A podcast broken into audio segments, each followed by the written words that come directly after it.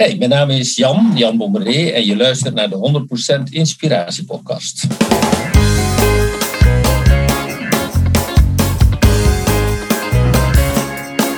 Hey, wat goed dat je luistert. Hij staat weer voor je klaar. Je wekelijkse dosis inspiratie is weer daar. De allerleukste gasten geven al hun kennis prijs. Met je veel te blije host, hij praat je bij. Zijn naam is Thijs. Thijs,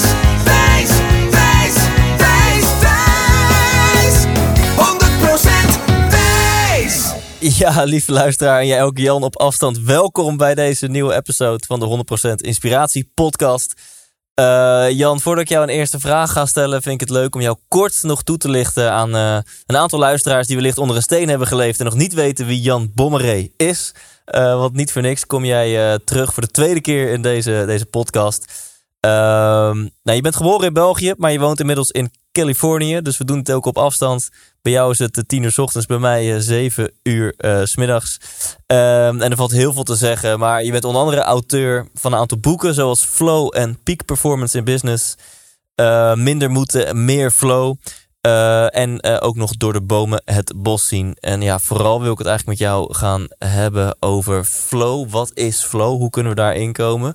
Um, en over leren loslaten. Um, en ik denk als we het hebben over loslaten, dat iedereen, als die daar een beetje bij stilstaat, wel iets kan noemen in zijn leven.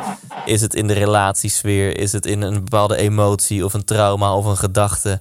Uh, een bepaald ongenoegen. We willen volgens mij allemaal meer loslaten, maar ons controlebrein, ik praat gewoon voor mezelf, zit ons soms een beetje in de weg. Um, dus ik, ik heb er enorm veel zin in. Uh, niet in de laatste plaats om het ook te gaan hebben over de link naar dit tijdperk. Dus lieve luisteraar of kijker, je kan het ook op YouTube bekijken. Uh, ja, dat vind ik heel tof om het te hebben over wat deze lockdown, deze situatie die nu al bijna acht maanden lang duurt. Wat voor impact dat op ons leven heeft. Hoe we misschien wel worden gedwongen tot een transformatie.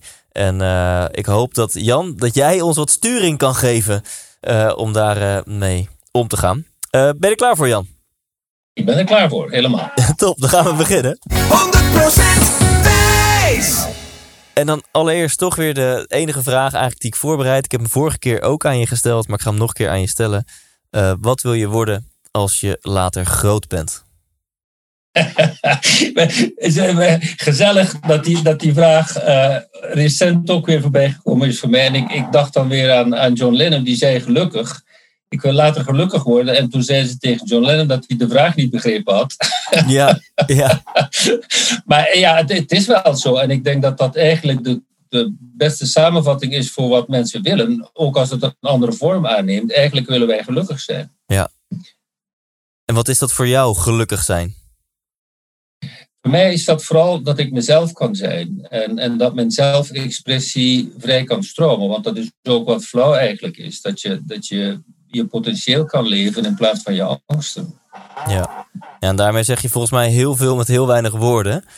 Uh, daar kunnen we het al uren over hebben. Je potentieel leven in plaats van je angsten. Voordat we naar concrete tips gaan, ik vind het ook wel leuk om het persoonlijk te maken. Wat, wat betekent dat voor jou? Uh, voor mij is dat uh, begonnen toen ik voor het eerst professionele trainer werd. En dat was in goed tel 19 78, dat is al een tijdje geleden. En toen werd ik dus opgeleid door een, een collega in Nederland. Dat was ook hoe ik in Nederland uh, geraakt ben vanuit België. Ja. En, en toen zei die collega iets wat in die tijd nog vrij nieuw was. Maar wat voor mij een, een echt een donderslag bij heldere hemel was. Hij zei, wij gebruiken nog geen 10% van ons potentieel. En, en ik viel bijna van mijn stoel. En, en ik dacht, dat kan toch niet?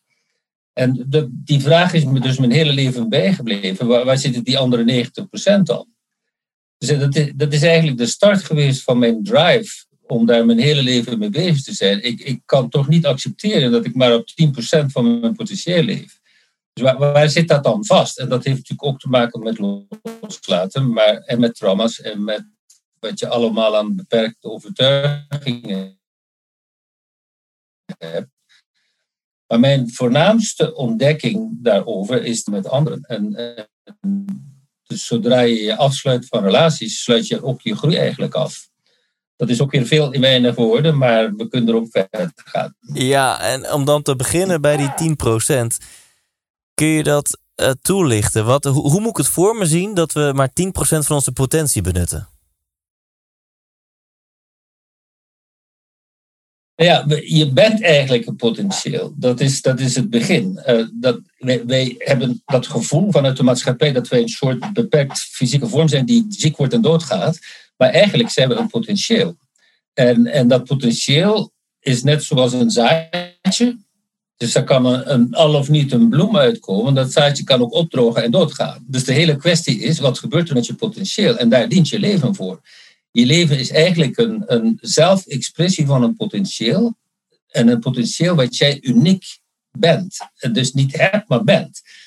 Dus als je dus kijkt, je hebt het veld van alle mogelijkheden en elk van ons is daar een unieke expressie van. Dus wij hebben niet alle mogelijkheden, maar we hebben een unieke bundel mogelijkheden. En die tot leven brengen, daar word je blij van. En zoals Maslow zegt, een danser moet dansen, een schrijver moet schrijven. En iedereen heeft iets in zich wat eruit wil. En als je dat niet leeft, dan ben je ongelukkig. En eh, als we kijken naar, eh, naar jouw leven, welk, welk gedeelte van jouw potentieel benut je en, en waar zit bij jou nog groei? Oh, weet je, ik kan op die vraag niet antwoorden hoe groot mijn potentieel is. Ik weet wel dat ik een enorme weg heb afgelegd. En, en dat veel van de barrières die, die in mij bestonden te maken hadden met mijn kindertijd. Ehm, maar een, een specifiek one-line antwoord, daar heb ik daar niet voor. Die groei die houdt eigenlijk nooit op. En dat is tegelijkertijd zou je kunnen zeggen, ja, wanneer houdt het op? Het houdt niet op. Dat is dus eigenlijk ook optimistisch. Dat wij zo'n enorm potentieel hebben dat, het eigenlijk niet ophoudt, het groeiproces. Ja, en je legt een mooi linkje naar iets waar ik over wil beginnen, waar bij jou het zaadje is ontstaan om aan de slag te gaan met onderwerpen als flow en loslaten. Uh, en je noemt iets over een trauma uit je, uit je kindertijd. Kun je dat, uh, kun je dat toelichten? Ja, dus, ik ben dus al meer dan tien jaar bezig met het onderwerp trauma. In eerste instantie voor mezelf, omdat ik dus heel veel toestanden gekend heb in mijn leven, slapeloosheid, allerlei soorten problemen, veel ongevallen, dat je dus blijft afvragen waar komt het allemaal vandaan. En ik kreeg dus daar geen goede hulp voor, dus ben ik het maar zelf gaan zoeken.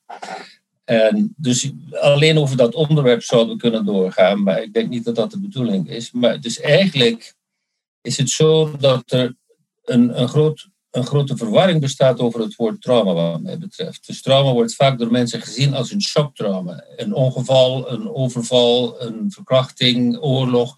Dat zijn allemaal shocktrauma's. Maar de trauma's waar de meeste mensen last van hebben, uh, dat heet complex trauma. En complex trauma zijn, zijn allemaal kleine dingen bij elkaar die uiteindelijk traumatisch worden. Hmm. En, en dus je hebt nooit het gevoel, ik heb iets kwaads meegemaakt, maar je hebt vele, vele behoeften niet vervuld gehad, waardoor dat voor een kind traumatisch wordt. En dat, dat zijn dus de, bijvoorbeeld de hechtingstrauma's, dat je niet veilig gehecht bent, of dat je niet opgevangen werd wanneer je angst had, enzovoort. enzovoort. En dat, dat is dus nooit kwaad bedoeld door ouders, of bijna nooit. Er zijn natuurlijk ook ouders die zelf zo getraumatiseerd zijn dat ze een gevaar zijn voor hun eigen kinderen. Maar dan, laten we dat dan maar de grote uitzondering noemen. Maar het, het, gaat dus ook van generatie op generatie. Dat ouders zijn vaak ook getraumatiseerd, waardoor ze niet helemaal in verbinding kunnen zijn, waardoor ze niet helemaal in het nu zijn, enzovoort. Dus ik denk dat het dus van generatie op generatie qua potentieel beter wordt. Dus als ik kijk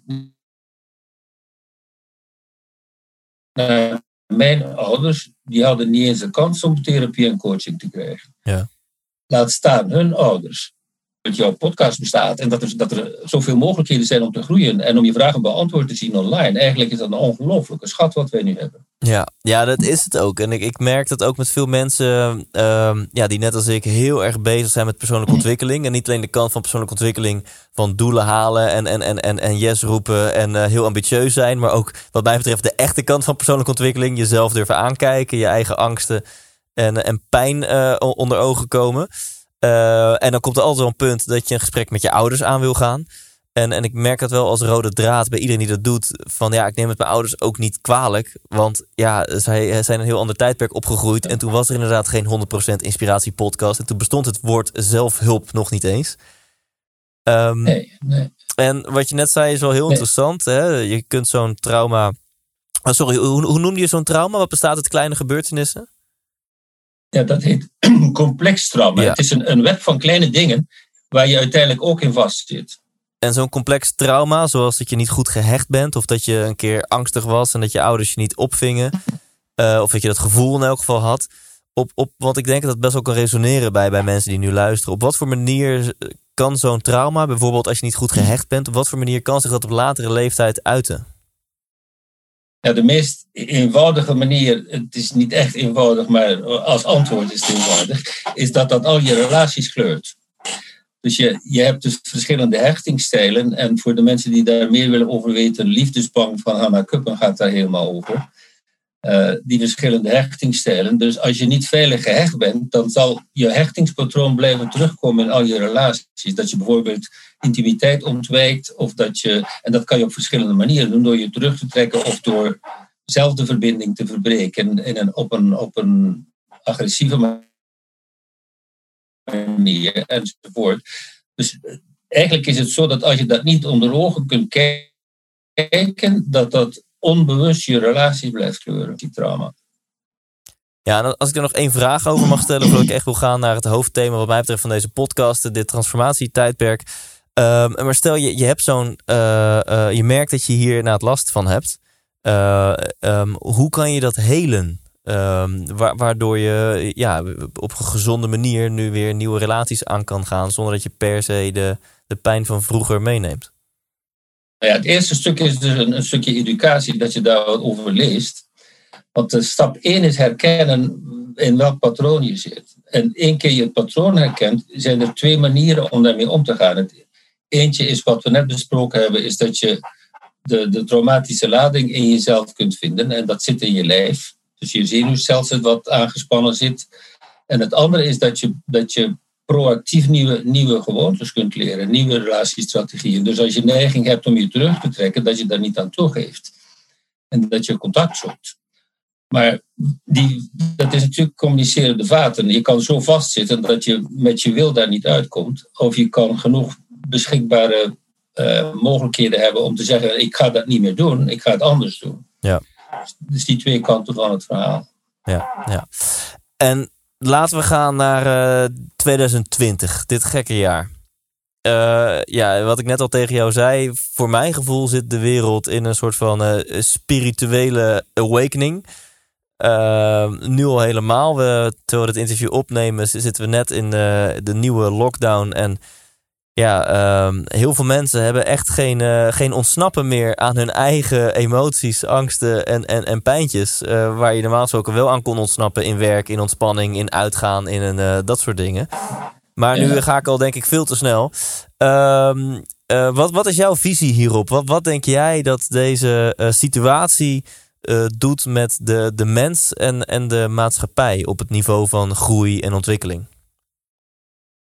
Ja, er is ook weer niet een eenduidig antwoord op. Voor, voor sommige mensen is het een groeikans, voor andere mensen is, is het een, uh, ja, een, een, een, situatie waar ze helemaal vastlopen in, in depressie en, en terugtrekken of boosheid of weet ik veel. Dus je, je moet wel kiezen voor, maak ik hier een groeikans van? En, en dat kun je dus niet voor iemand anders doen. Maar in zijn algemeenheid, collectief, zitten we dus in een overgangstijdperk. Dus wij komen, wij komen uit het informatietijdperk en we gaan naar het transformatietijdperk. En tijdperken zijn altijd zo dat het vorige tijdperk eigenlijk het volgende mogelijk maakt. Dus transformatie is eigenlijk het gevolg van al die informatie. Dus vroeger hadden mensen geen toegang tot al die informatie en, en bleven ze dus onbewust en, en wisten ze niet waar ze last van hadden. En nu kun je het allemaal opzoeken. Dus je, je hebt eigenlijk de kans door informatie om aan je transformatie te werken. Maar je moet het wel zelf doen. Niemand kan het voor je doen. Dus accepteren van ik hou eigenlijk mezelf tegen en ik doe dat niet bewust, ik doe dat onbewust. Nou ja, hoe ga ik er dan mee om? Nou ja, ik, ik, ik zoek dus waar, waar ik mezelf tegenhoud en hoe ik mijn eigen bewustzijn kan bevorderen. En dat is dus altijd het loslaten van beperkingen. Want je potentieel is al, is al oneindig. Of in ieder geval heel groot. Dus dat potentieel verandert niet. Het is de manier waarop jouw potentieel door jou heen kan komen. En dat heeft te maken met beperkte overtuigingen loslaten. En dat is niet het enige, het is ook beklemmende emoties. Dus je kan ook bijvoorbeeld door kindertrauma altijd op de achtergrond een soort anxiety hebben waar je niet weet waar die vandaan komt. Of een gevoel dat je eigenlijk niet goed genoeg bent. En dat, daar kun je niet echt een vinger op leggen, maar je weet wel dat het er is.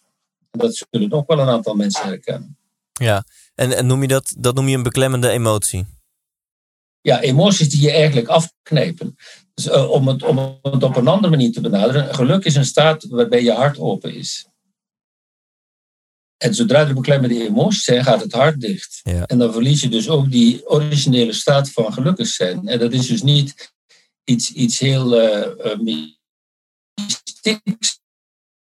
Als je kijkt naar kleine kinderen die hun hart open hebben, die zijn gewoon gelukkig, zonder reden. Ja. Dat, dat is onze natuurlijke staat. En dat is dus ook de, dat is dus ook de flow staat. Het is de staat van in het nu zijn, in verbinding. En je niet de hele tijd zorgen maken over wat er straks gaat gebeuren. Ja. En zo'n beklemmende emotie, hè, wat je zegt, dat je misschien een gevoel, een fluisterend gevoel of stemmetje hebt van ik ben niet goed genoeg. Uh, daar willen we meer over weten. Laat ik heel eerlijk zijn, ik herken dat.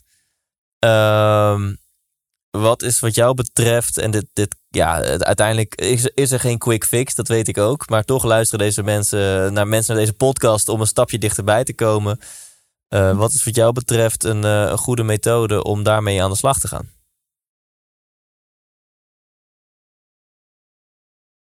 Ja, de, er is geen enkelvoudig antwoord op al jouw vragen. Dus ik, ik begin maar met uh, ja. waar ik nu eerst aan denk.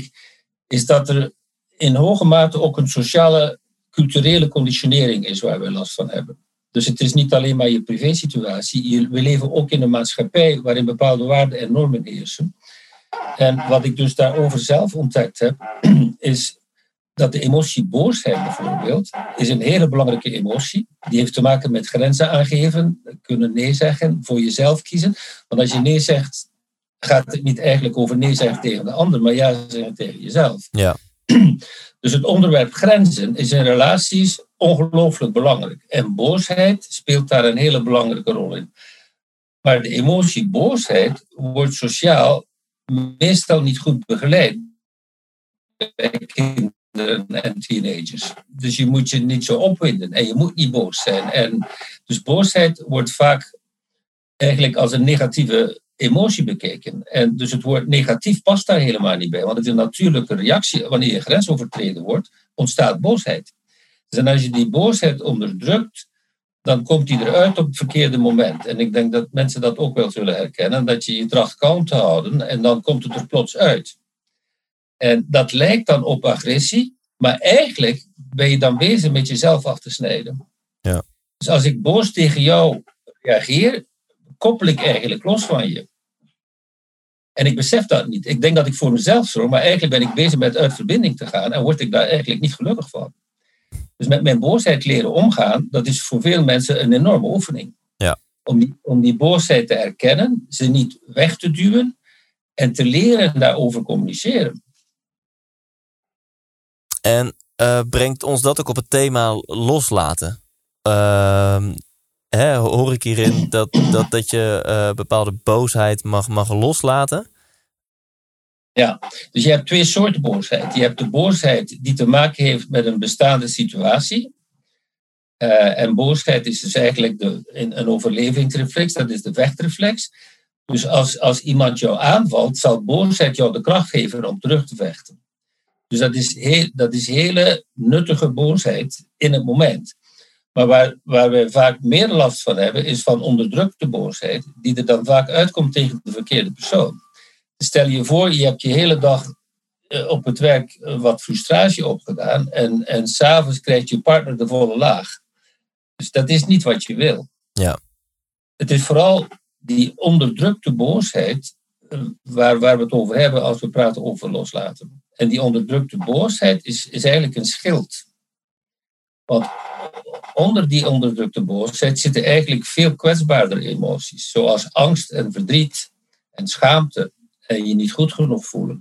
Dus om al die, die lagere emoties van ons weg te houden, is de gemakkelijkste manier is om boos te worden. Ja.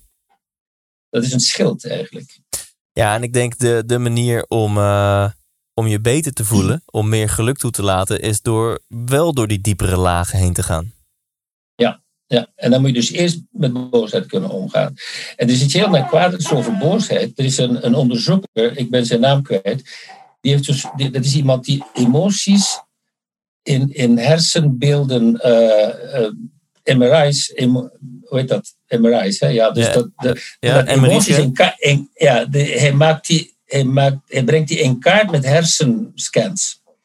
En wat hij dus ontdekt heeft, is dat boosheid hetzelfde hersencentrum activeert als beloning. Wauw.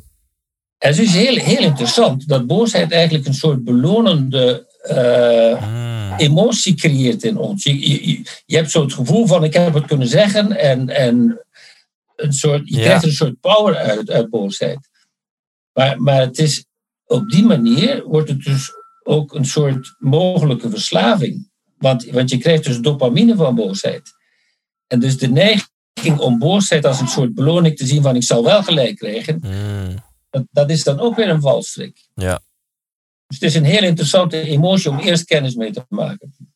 Ja, en, aan die andere vindt. en als je daar kennis mee maakt en die, die durf je toe te laten, ehm, dan zou het zomaar eens kunnen zijn dat, dat volgende lagen zoals verdriet, eh, schaamte, angst eh, boven water komen.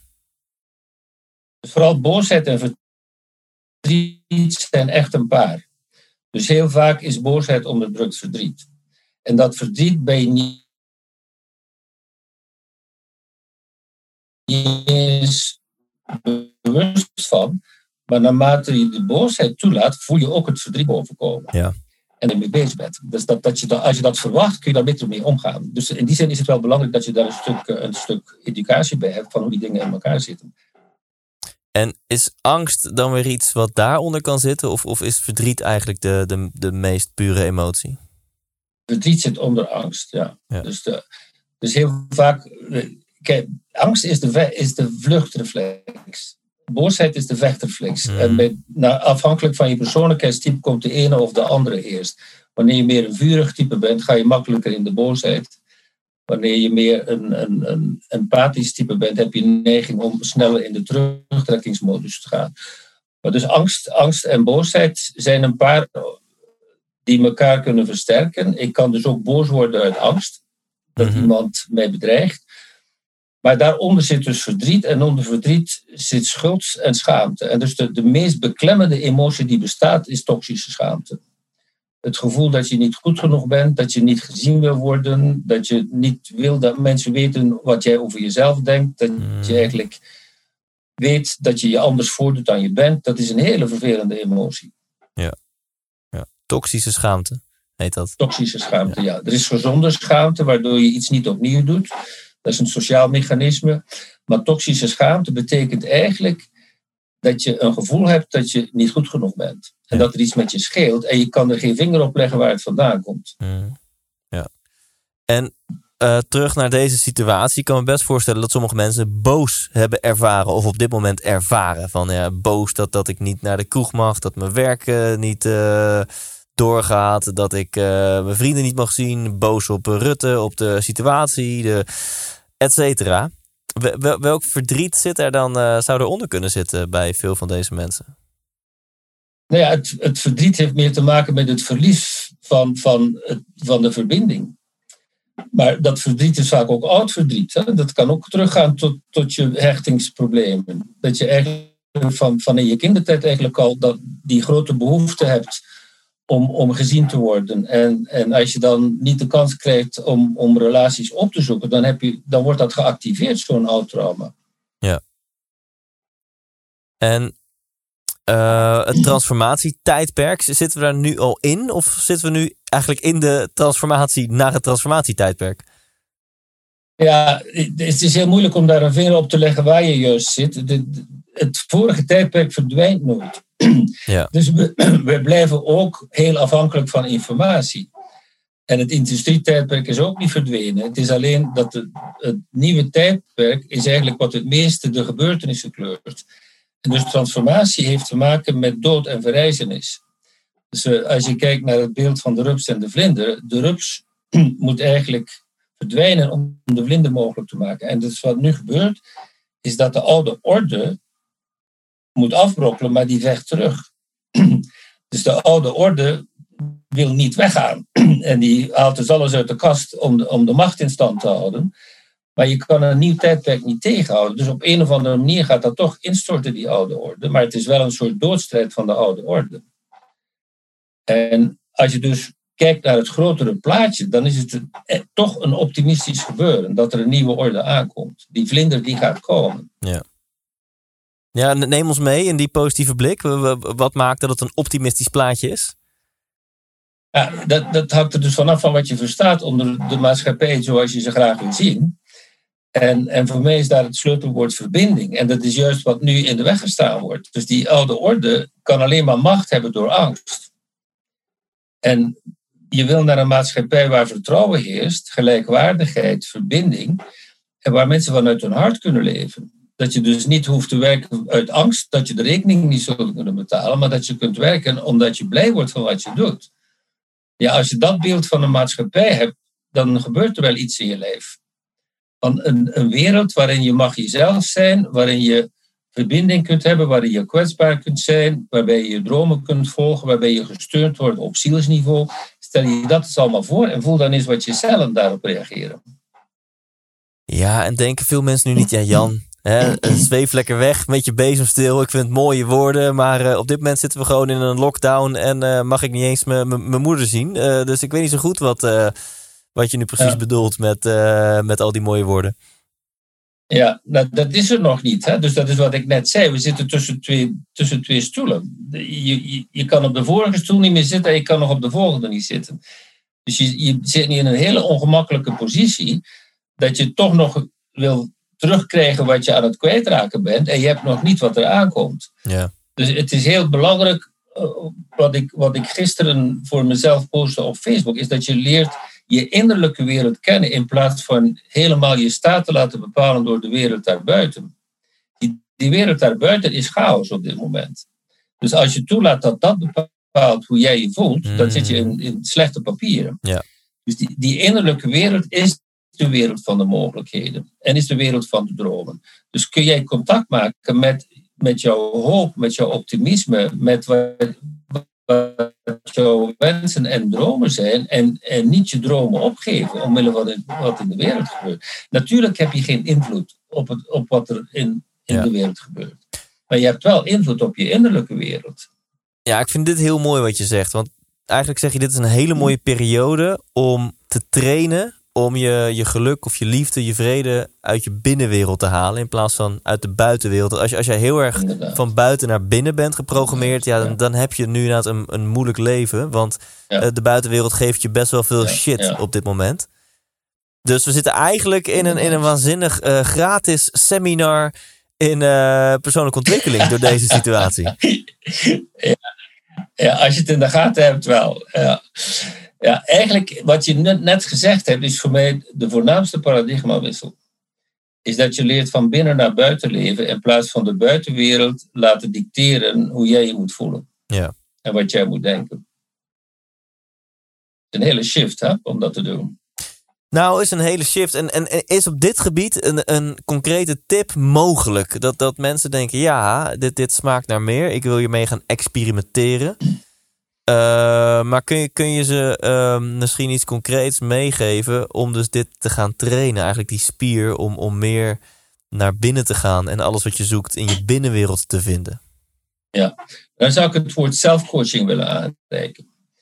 Dat je dus leert, stap 1 van zelfcoaching is zelfobservatie. Dat je leert zien wat er in je gebeurt en te weten dat wat boven komt als reactie, dat het eigenlijk je verleden is je patronen, je conditioneringen. Ja. Als je kunt waarnemen, kun je beslissen om niet met een patroon mee te gaan. En dat is wat zelfregulering of zelfcoaching is. Dat je ziet, niet ik ben boos, maar er komt boosheid boven. En hoe ga ik nu om met die boosheid? Hoe ga ik die? Hoe, hoe kan ik die transformeren? Ik kan alleen maar keuzes maken als ik zie dat er een alternatief is. Dus één keer de boosheid helemaal overneemt, maak je geen keuzes meer. Dus het begint met zelfobservatie. Bewust zijn van wat er in je binnenwereld gebeurt. En als iets boven komt, kijken wat is hier en wat kan ik daarmee. Dat is dus het meest praktische wat je elk moment kunt doen. Ja. Zelfcoaching. En je zei net iets ehm, eh, over uh, verbinding. Dat we nu. Uh, dat nu eigenlijk minder verbinding mogelijk is. door gewoon de hele situatie met deze pandemie. althans, dat is misschien als het gaat om verbinding tussen andere mensen. Is dit juist niet een periode van meer verbinding met jezelf? Ja. De, uiteindelijk is, begint elke relatie vanuit een verbinding met jezelf. Zodra ik uit verbinding ga met mezelf, kan ik met jou niet verbinden. Ja. Dus wanneer ik boos word, dan ga ik met, ook met jou uit verbinding, maar ook met mezelf. Want die boosheid neemt over. Tenzij ik dat kan waarnemen en dan kan ik bij mezelf blijven. En wat is dat dan mezelf? Dat is dus de vraag. Wie ben ik dan? Ja. ja. Ik ben niet mijn patronen, ik ben niet mijn verhaal, ik ben niet mijn verleden. Ik ben mijn potentieel. En, en wat is dat dan? Nou ja, het, het probleem met potentieel is dat het onbekend is tot het geuit wordt. Dus je moet dus ook bereid zijn om je grenzen te verleggen, om te experimenteren, om dingen uit te proberen. En wanneer dus één deur dicht gaat, dan moet je dus kijken welke andere deur open gaat. En die andere deur kan bijvoorbeeld op dit moment zijn dat je de kans krijgt om meer innerlijk werk te doen en van daaruit in de toekomst je relaties te verbeteren. Ja. Hoe, hoe ga jij om met deze, met deze situatie? Ja, ik denk dat ik nog nooit zoveel gemediteerd heb in mijn leven. Kijk. dus die, die, die innerlijke wereld is nog nooit zo belangrijk geweest. Dus als we ervan uitgaan dat we echt van binnen naar buiten leven, dan zijn de mensen die met de binnenwereld bezig zijn, de mensen die de buitenwereld aan het veranderen hmm. Dus iedereen die bezig is met zijn eigen transformatie, is deel van het transformatietijdperk. En hoe, uh, hoe mediteer jij? Ik ben er wel nieuwsgierig naar. Ja, bij mij is meditatie ook gekoppeld aan het onderwerp loslaten. Dus het is eigenlijk meer mindfulness dan. dan ja, er zijn verschillende scholen van meditatie, maar voor mij is het dus echt lichaamsgerichte mindfulness. Het begint met je adem en dan heel bewust zijn van wat er in je lijf gebeurt en waarnemen. En waarnemen is dus een ander woord voor bewustzijn. Zodra ik iets waarneem, breng ik er bewustzijn naartoe. En wat boven komt, komt uit mijn onderbewuste.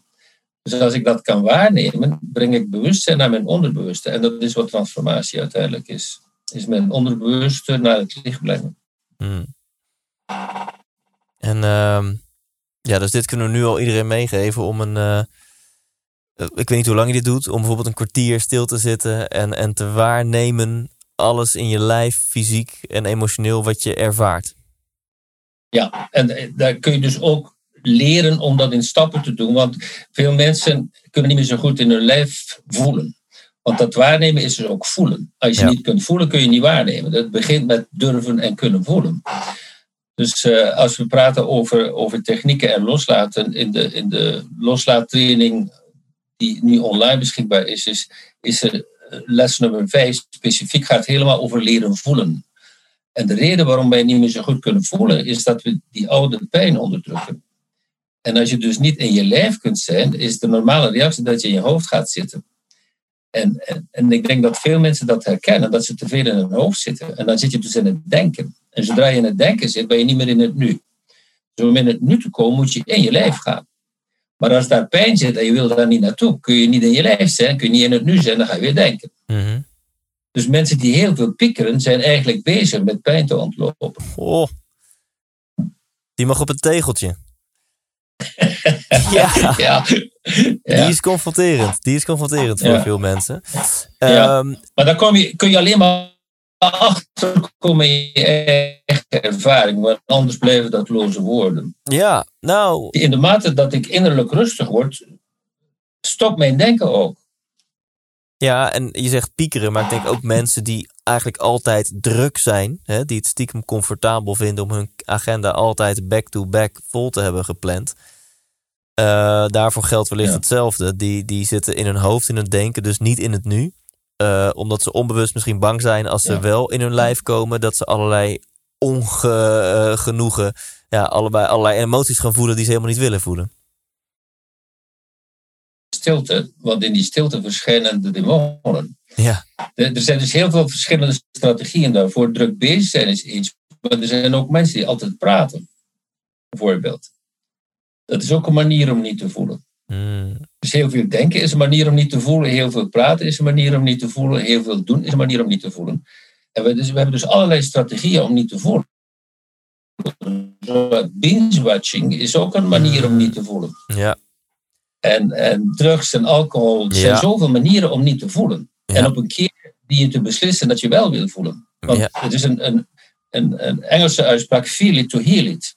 Als je het niet kunt voelen, kun je het niet genezen. Je niet helen. Ja.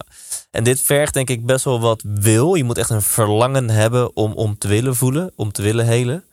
En ook wel wat courage, wat moed. durven eerst. Ja, Ja, durven. Het begint met moed. Moed is de eerste stap voor transformatie. De moed om te kijken wat er is, in plaats van, van er van weg te kijken en allerlei excuses en vluchtmechanismes te gebruiken. ja, en ik vind het heel tof en ik ga je zo op door, omdat ik zelf merk dit maar al te goed. Dat, ja, ik vind het goud dat deze situatie voor heel veel mensen dit, wat ik net al zei, eigenlijk verplicht doet. Tuurlijk, je kan nog steeds besluiten om te binge-watchen of de hele dag op je telefoon te zitten. Dus als je echt niet wil, dan ontkom je er wel aan. Maar voor heel veel mensen ja, komt nu die stilte, die leegte, die rust, die komt soort van ongepland, ongewild op je pad. En ik denk dat, dat nou, bij heel veel mensen die nu ook luisteren dit herkennen, dat ze in deze periode waar we nu in zitten, eh, ja, meer aan het voelen zijn. Eh, en Ja. meestal ja, zijn dat niet per se de positieve emoties die ineens naar boven komen als je beter gaat voelen. Maar de, de, de hardst onderdrukte emoties zijn vaak de wat pijnlijkere. Ja, ja. Ja, dat is het hele, het hele eh, onderwerp van je drukknoppen. Hè? De, de drukknoppen die worden ingeduwd. En, en dan komen dus die oude emoties komen dan boven. Triggers heet dat in het Engels. Hè? Je wordt getriggerd door de situatie. Ja, en laten we mensen een beetje die dat nog niet durven, toch een beetje motiveren om dit gewoon aan te gaan. Waarom zou je dit doen? Want je kan ook denken, ja Jan, eh, oké, als ik stil en rustig word, ga ik alleen maar negatieve emoties voelen. Ik blijf lekker in mijn hoofd. Dat is toch veel relaxter? Ik heb helemaal geen zin om. wa- wa- wa- wa- wa- Wat levert het mij op dan om door die hel te gaan? Nou ja, hel eh, is misschien, misschien een woord wat we beter niet, niet gebruiken in dit verband. Het gaat eigenlijk over hoe je onbewust jezelf tegenhoudt. En dus de hele vraag die je aan jezelf moet stellen is: wil ik mezelf nog langer tegenhouden of, wil, Mm. of wil ik mijn potentieel vinden? En dat is een keuze die je zelf moet maken. Maar één keer het helder is dat je jezelf tegenhoudt, dan is het eigenlijk geen keuze meer. Ja. Ja, dus op het moment dat jij ervoor kiest om, om, om jezelf te blijven verdoven en de afleiding te blijven vinden, ben je eigenlijk je potentieel en dus je geluk aan het onderdrukken. Ja, en omdat het juist onbewust is, moet je er bewust van worden. Dus Ja. wij, wij doen dat niet om onszelf kwaad te doen. We, we doen dat omdat we mechanismen hebben die ons beschermen tegen pijn. Dus je, je overlevingshersen die, kennen, die, die zijn binair. Die kennen alleen maar pijn ontwijken en plezier zoeken. En er is dus geen, geen tussenstadium. Eh, het is het een of het ander. Je, je overlevingshersen kennen alleen maar zwart en wit. Die kennen geen nuancering. En in je kindertijd is, is dat juist zo moeilijk dat je nog niet het vermogen hebt om te nuanceren. Dus voor een kind, als het een klein beetje onveilig lijkt, dan is het onveilig. Ja. Een kind kan ook niet redeneren, mijn ouders hebben een slechte dag, het, het is morgen wel beter. Hmm. Dus je hebt dat vermogen nog niet. En dus die overlevingshersenen in het, in het begin van ons leven, die, die hebben al die zwart-wit ervaringen, kunnen niet nuanceren. En dat zit dus in je systeem, want je hersenen en je zenuwstelsel zijn nog aan het groeien. Hmm. Dus je neemt dat eigenlijk je hele leven mee. Wat in je eerste jaren gebeurt, is vooral de preverbale, voor je linker hersenhelft meedoet. Die komt eigenlijk pas volledig online in je derde levensjaar, je linker hersenhelft. Dus je spraakcentrum zit daar ook. En totdat je woorden hebt, kun je ook niet denken. Dus je leeft eigenlijk helemaal vanuit je buik. En die buik is eigenlijk waar je instincten zitten. Hmm. Dus je leeft eigenlijk instinctief totdat je linker hersenhelft begint mee te doen en dat je kunt beginnen te denken van het gaat wel voorbij. Maar, maar als kind kun je dat niet. Voor een kind is, is wat nu gebeurt eeuwig. En, dus als het pijn heeft, dan is dat voor altijd. Ja, en, en omdat je in die eerste drie jaar volledig leeft vanuit je buik, is dat dan ook de reden waarom in die periode trauma's uh, het hardste binnenkomen? Ja, eh, je hebt geen manier om, om, om te relativeren. Dus als er iets gebeurt, dan, dan zijn dat wat in het Engels imprints heet. Dat zijn imprints op je, op je systeem. En omdat je niet kunt vechten en vluchten, kan je niet anders dan in de freeze-modus gaan. En de freeze-modus betekent dat je onbewust wordt van de pijn. Hmm. Maar de pijn is niet weg. Die zit in je systeem verzegeld in je eerste jaren, als er, als er pijn was. En dat is vaak meer emotionele pijn dan fysieke pijn. Ja, ja en, en uiteindelijk is dus de uitnodiging in ons volwassen leven om deze pijn toe te laten, te onderzoeken, uh, zodat we meer van ons potentieel kunnen gaan bereiken. Ja, je wordt als een potentieel geboren en dan in je eerste levensjaren komen daar voor allerlei uh, verdedigingsmechanismen bovenop te zitten. Ja. Dus, eh, dus de, de, praktische manier om hierover te praten is dat je dus eigenlijk je eigen verdedigingsmechanismen dient te, te leren zien zodat je uit verdediging kunt komen. Want als je defensief leeft, kun je niet creatief leven. Ja. om creatief te leven moet je kunnen risico's nemen. Natuurlijk geen onverantwoorde risico's, maar je moet kunnen je comfortzone uitbreiden. Ja. En dat gebeurt niet zolang je defensief leeft. En ik wil je, ik wil je uitdagen om, om nog uh, een stukje meer sturing te geven. Wat je al hebt verteld is uh, hoe je mediteert. En dat deze periode uitnodigt om die rust, die stilte op te zoeken. Um, ik ga hem gewoon heel persoonlijk maken. Want ik zelf uh, merk sinds dat uh, de wereld dus wat, wat minder snel draait. En er wat vertraging is in de wereld. En sinds ik ook zelf bewust de keuze heb gemaakt om die vertraging te omarmen. Want in de beginperiode van corona besloot ik om alleen maar nog harder te werken. Want ik had nog steeds een laptop en online producten. Dus ik kon harder werken dan ooit. Uh, maar na een tijdje besloot ik uh, om de vertraging toe te laten. En dat heb ik ook wel gevoeld tot op de dag van vandaag. Ik, uh, ik durf al te stellen dat ik aan te helen ben. Uh, dat, dat er, uh, nou, om een voorbeeld te noemen, en ik vind het best spannend, maar laat ik het maar gaan noemen. Ik, ik kom bijvoorbeeld een gevoel van onveiligheid, die, dat is bij mij bovengekomen. En ik wist niet eens dat onveiligheid een emotie was. Ja. Maar ik ben daar tot aan helbuien toe, ben ik daar doorheen aan het ademen. En het overvalt me soms. Um, ja, ja. Hoe, hoe, ja, een beetje een hele brede vraag. Maar uh, uh, hoe, hoe werkt zoiets en, en, en hoe ziet dan zo'n proces van, van, van ja, transformatie of heling er, eruit? Ja, het begint met, met toelaten dat het boven komt. Want je, wist niet eens dat het daar zat tot het boven kwam. Dus het, het begint met jouw keuze om naar binnen te gaan. En om te, om te ervaren wat daar is. En dat zit in lagen. Dus je, je komt bij een laag waar jij klaar voor bent. En het, is mooie van het onderbewuste is dat je niet krijgt wat je niet aan kan. Tenzij je echt in een shocktrauma komt, dat is dan natuurlijk traumatisch en dan word je overweldigd. Maar dus het, het feit dat je de keuze maakt om naar binnen te gaan en, en te laten bovenkomen wat daar is, is, is stap 1. En dan is het een kwestie om dat niet terug weg te drukken, wat boven komt. Dat is natuurlijk oncomfortabel. Dus stap 1 is altijd accepteren dat het er is en niet willen dat het weg is. Want zodra je het weg wil, kun je het niet loslaten. Dat, is, dat klinkt een beetje raar wat ik zeg. Mhm, ja. Maar je, je kan dus niet loslaten zolang je het weg wil. Ja. Dus je moet eerst accepteren dat het er is. Want dan kun je de verbinding mee maken. Als ik het accepteer, kan ik ermee verbinden. En als ik het mee kan verbinden, kan ik het loslaten. Dat is mhm. heel raar hoe die paradoxen klinken. Ik laat los door te verbinden. En ik hou vast door mij af te scheiden. Ja, dus je, je moet juist je grootste angsten opzoeken om ze te kunnen overwinnen. Hoor ik dat nou ja, ook ik zou, ik, zou niet beginnen met mijn grote angsten. nee, het is een, een, een, proces van, van leren omgaan met wat daar zit. En je moet daar niet te snel willen in gaan, want dan zit je toch weer in de, in de, in de productiviteitsmodus van ik ga niet snel genoeg met mijn groei. Zo werkt dat niet in de natuur. Het, de, het mooiste symbool voor, voor transformatie is de maan. De maan gaat door cycli. En de maan heeft dus een periode van loslaten, waar het dus steeds minder wordt, en dan een periode van groei, waar het weer toeneemt. En dat is hoe onze processen ook werken. Door los te laten kun je groeien en dan begint een nieuwe cyclus. Ja. Nou, nu noem je het woord loslaten een aantal keer. Laten we daarop op inzoomen. Um, laat ik gewoon beginnen met, met het begin. Wat, wat is loslaten? Het belangrijkste stuk van het woord is de tweede helft, laten. Het is iets wat je niet kunt doen. En dat is dus vaak voor, voor veel mensen al een verwarring. Dat, dat iemand zegt, je moet het loslaten. En dan zegt, dan zegt iemand, en, maar hoe doe je dat? En dan zit je eigenlijk al op het verkeerde been. Want je kunt het niet doen. Dus loslaten is laten. En wat is laten? Is de energie de kans geven om haar natuurlijke pad te hernemen wat onderbroken werd door een verdediging. Hmm. Dus de staat van flow is de staat waar de energie vrij door je kan stromen. En als de energie vrij stroomt, voel jij je blij. En wanneer je dus in een, in een verdedigingsmechanisme gaat, onderbreek je de flow. Ja. Dus loslaten is eigenlijk de flow herstellen.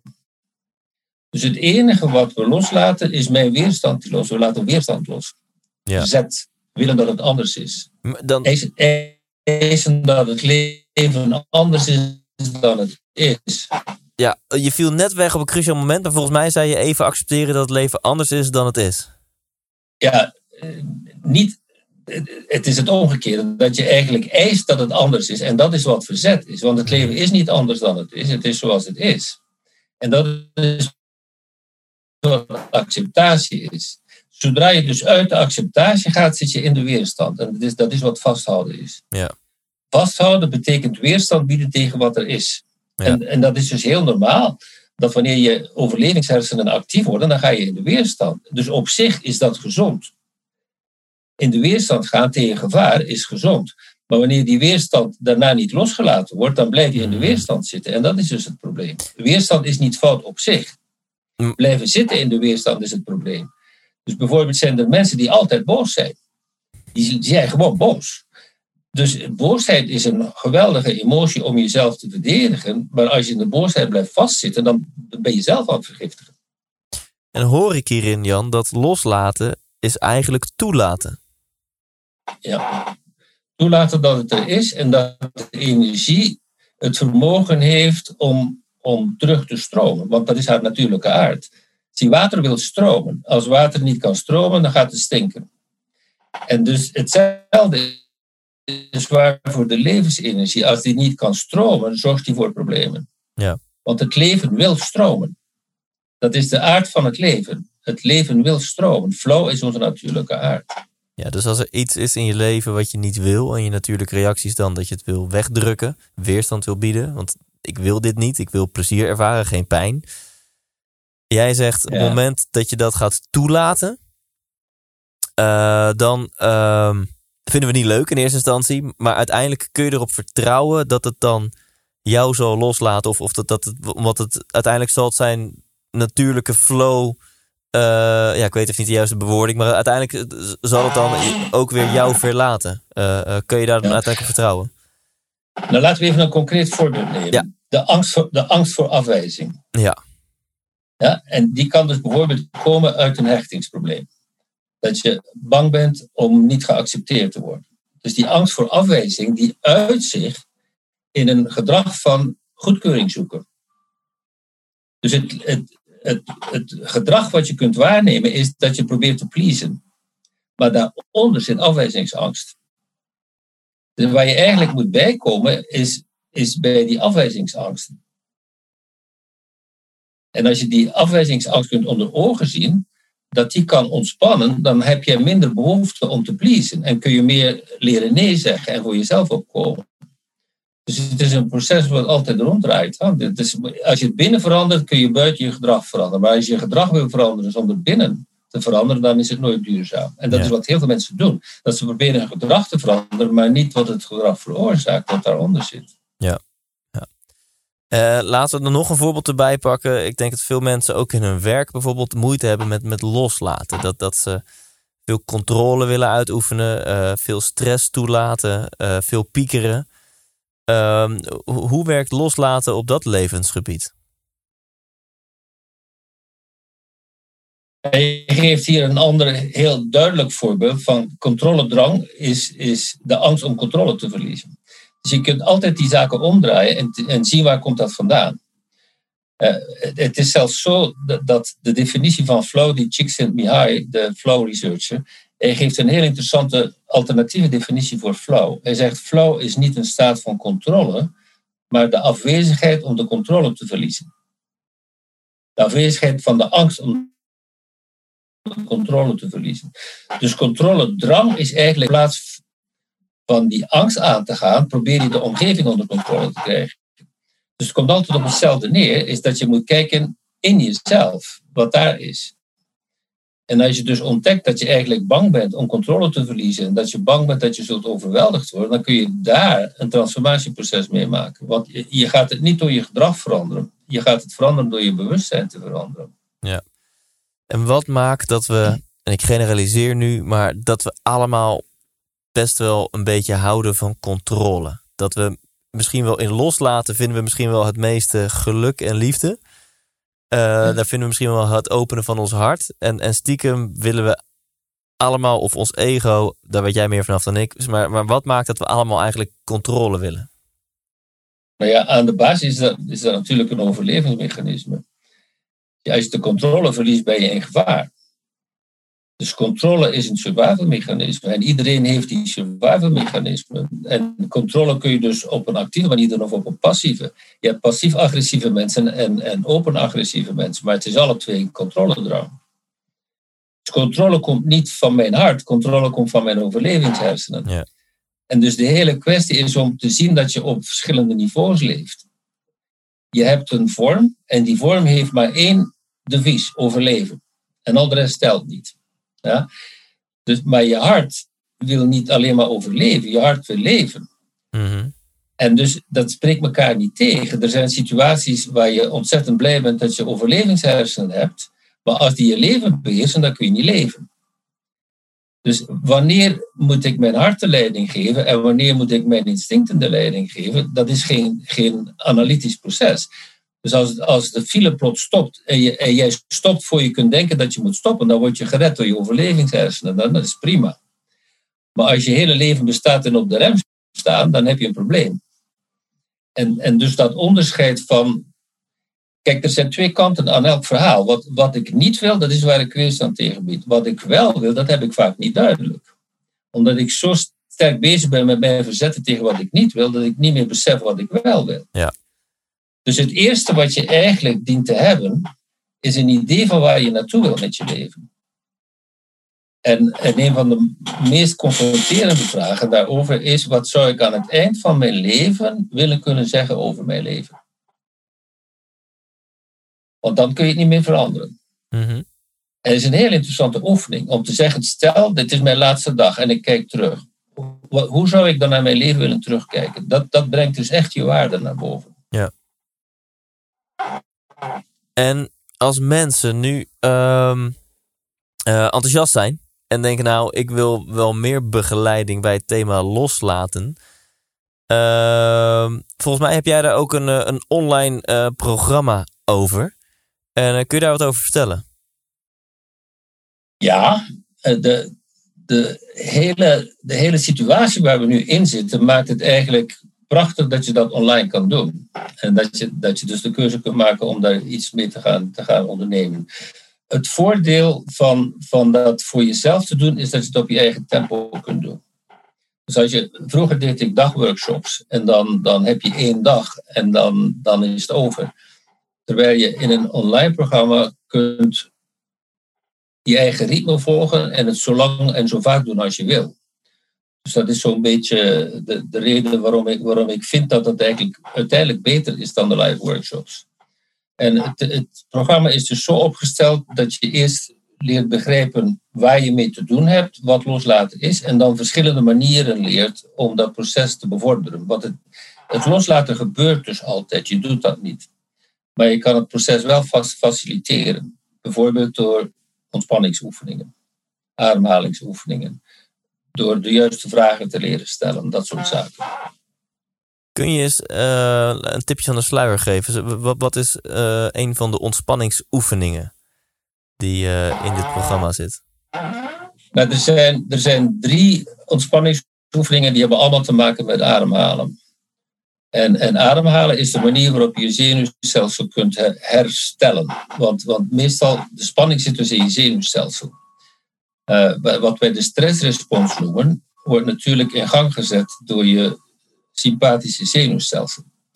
Dus je, zenuwstelsel, je automatische zenuwstelsel heeft, heeft twee kanten. Het sympathische is de gaspedaal en de parasympathische is de rem. Ja. Ja, dus wanneer ik uh, bedreigd word, schiet ik in de stress. En dan moet mijn sympathische zenuwstelsel in gang komen. En dat, dat activeert dan mijn hormonale systeem, waardoor stresshormonen in mijn bloed komen, cortisol en adrenaline. En die, die adrenaline die doet je hart sneller kloppen. Waardoor dus bloed naar je armen en benen geduwd wordt en naar je hoofd, zodat je kunt vechten en vluchten. En op zich is dat natuurlijk fantastisch, maar dat is alleen voor de korte termijn bedoeld. Wanneer dus die, die situatie niet losgelaten wordt daarna, dan, blijf je dus, dan kom je dus in chronische stress terecht. En dus de hele kwestie is dat je door ademhalen je parasympathische zenuwstelsel kunt activeren om die sympathische blokkade te leren ontspannen. En dat, dat, daar zijn dus alle ontspanningsoefeningen op afgestemd. Om je parasympathische zenuwstelsel te activeren. En dus een heel simpel voorbeeld daarvan is je hebt inademen en uitademen. Wanneer je dus gestrest bent, ga je sneller ademen en hoger ademen. Dus wat wij leren is om dieper te ademen in je buik, want daar, zit de, daar begint de stress in je instinctcentrum. Ja. We leren dieper ademen, maar wat je dus ook kunt leren is als je trager uitademt, dan creëer je een, een uh, product in je bloed, dat heet acetylcholine. Mm -hmm. En, en dat, dat doet je hart traag. Dus je kan via je alle situatie veranderen. Dus wanneer mensen cortisol is het product wat zorgt voor lange termijn reactie in stress. Adrenaline is voor directe reactie, cortisol is voor langdurige stress. Dus door die ontspanningsoefeningen kun je eigenlijk leren om je cortisolniveaus te verminderen. En dat is bijvoorbeeld ook waarom mensen slecht slapen, omdat er cortisol in het bloed zit. Ja, en je, viel in het midden van je verhaal viel dus een klein beetje weg. Dus ik, ik weet niet of daar een stukje zat over, over hoe je dan met je ademhaling je parasympathisch zenuwstelsel kunt stimuleren. Uh, dus misschien, uh, uh, ik weet niet of je dat al zei, maar kun je dat herhalen? Ja, dus er zijn twee voorname aspecten aan. Is dat je leert dieper ademen. Ja. Dat je de buik erbij betrekt. Ja, en het tweede is dat je leert langer uit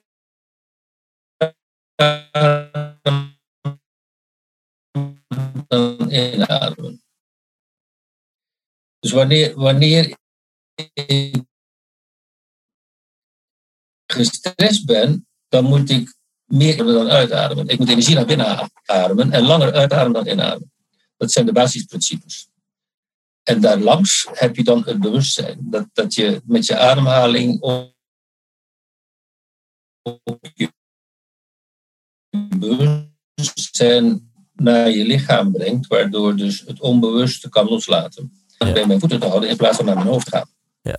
De, de, de, de, helaas, de verbinding haperde weer een beetje, maar, maar vat ik het goed samen als ik zeg dat uh, uh, je in stresssituaties adem je veel in en weinig uit. En, het is juist de bedoeling om veel en rustig uit te ademen en minder. Ja, je, gaat, je gaat sneller ademen hè, en hoger ademen ja. als je gestrest bent. Ja. Sneller en hoger. En je hart moet gaan pompen. Dus het omgekeerde is dat je je hart wil vertragen. Functie wil veranderen in je ja. lichaam. Je wil dus je, je stresshormonen vervangen door feel-good neurotransmitters, dus zoals serotonine bijvoorbeeld. En dat kun, je, dat kun je dus met ademhalingsoefeningen en bewustzijn, die, die twee samen. En als ik dus gestrest word, gaat mijn energie omhoog. Om te ontspannen moet mijn energie omlaag. Dus je, je leert dus je energie meer in je lijf brengen, waardoor je kunt ontspannen. Het is een combinatie van bewustzijn en ademhalingstechnieken. Ik ben enthousiast. En als mensen dit willen checken in, in, in uh, volledig hoogkwaliteit video's, uh, zonder haperende verbinding, uh, dan, dan kan dat op, op thijslindert.nl slash loslaten. Want ik, ik heb een toffe aanbieding voor, voor mijn volger klaarstaan. Want het bestaat uiteindelijk, even uit mijn hoofd, uit 23 lessen. Klopt dat? Er zijn 33 lessen en ik denk rond de 20 oefeningen. Okay. Er zijn een aantal lessen die die processen uitleggen. Maar, maar er zijn heel veel oefeningen en die oefening kun je dus blijven herhalen. En de oefeningen die bij jou het meeste loslaten veroorzaken, om één keer door de hele training te gaan en dan te leren welke oefeningen bij jou het meeste op dit moment verschil maken en die oefeningen vaker doen. Maar je hebt dus een heel jaar om de oefeningen te doen. Ja, te gek. Um, een investering hiervoor is 147 euro. En ik uh, zeg altijd, ja, ik vind korting geven uh, niet heel inspirerend. Ik uh, geef liever aan mijn luisteraar een extra bonus. dus ik, ik heb jou en, en jouw management flink uitgedaagd. Van kunnen jullie dan voor mijn volger iets erbij doen? En dat is het, het fysieke boek geworden. minder moeten, meer flow. Dus dat, dat boek krijg je gewoon gratis en niet per post thuis toegestuurd. Dus dat vind ik wel heel erg leuk om extra aan, aan luisteraars en fans en alles van deze podcast te geven. Ehm, en ehm, ook geven we drie gratis lessen weg. Die sowieso op thijslindhout.nl slash loslaten staan. Dus daar kun je gewoon de eerste drie lessen gratis volgen. En uh, kun je rustig nadenken of je ook investering wil doen voor het hele programma. Met dus dat gratis boek wat je toegestuurd krijgt. Heb ik het zo uh, goed gezegd, uh, Jan? Dat klopt. Dat klopt. En, en het boek sluit ook heel goed aan bij de training. En er staan ook in het boek staan er ook oefeningen. Ja. Het is ook een werkboek. Want je kan boeken lezen tot je een ons weegt. Als je er niks meer doet, gebeurt er niks. Dus het is heel belangrijk dat je ook de oefeningen doet. Ja. Nou, ik ben oprecht uh, enthousiast en geïnteresseerd. Uh, sterker nog, ik wil heel graag ook een inlog krijgen om, om deze cursus te, te gaan doen. Ehm, dus dat gaan we ongetwijfeld achter de schermen regelen. Want dit past perfect waar, waar ik op dit moment in mijn leven mee te maken heb. En ik denk voor heel veel mensen Wellicht door corona, wellicht door andere omstandigheden. Ik denk dat dit echt wel iets wat ons ontzettend veel kan, kan brengen. Dus ik denk dat die investering helemaal dik waard is. Um, tot slot, Jan, we hebben een uur ehm, hebben gepraat. Is er nog iets, een wijsheid, het liefst binnen dit thema, wat jij wil meegeven aan de, de luisteraar? een bepaalde wijsheid. Oh. oh. Hallo? was even weggevallen. Oké, dan haal ik mijn laatste vraag nog een keer. Is er aan het... ja?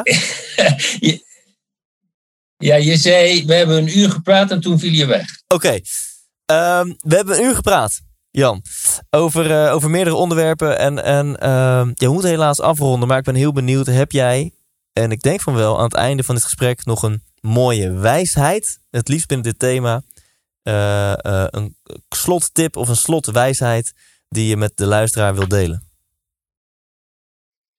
Ja, het, het meest eenvoudige waar je constant kunt op letten is als je hart open is of niet. Daar kun je dus leren op letten. Ben ik nu in verbinding of ben ik nu uit verbinding?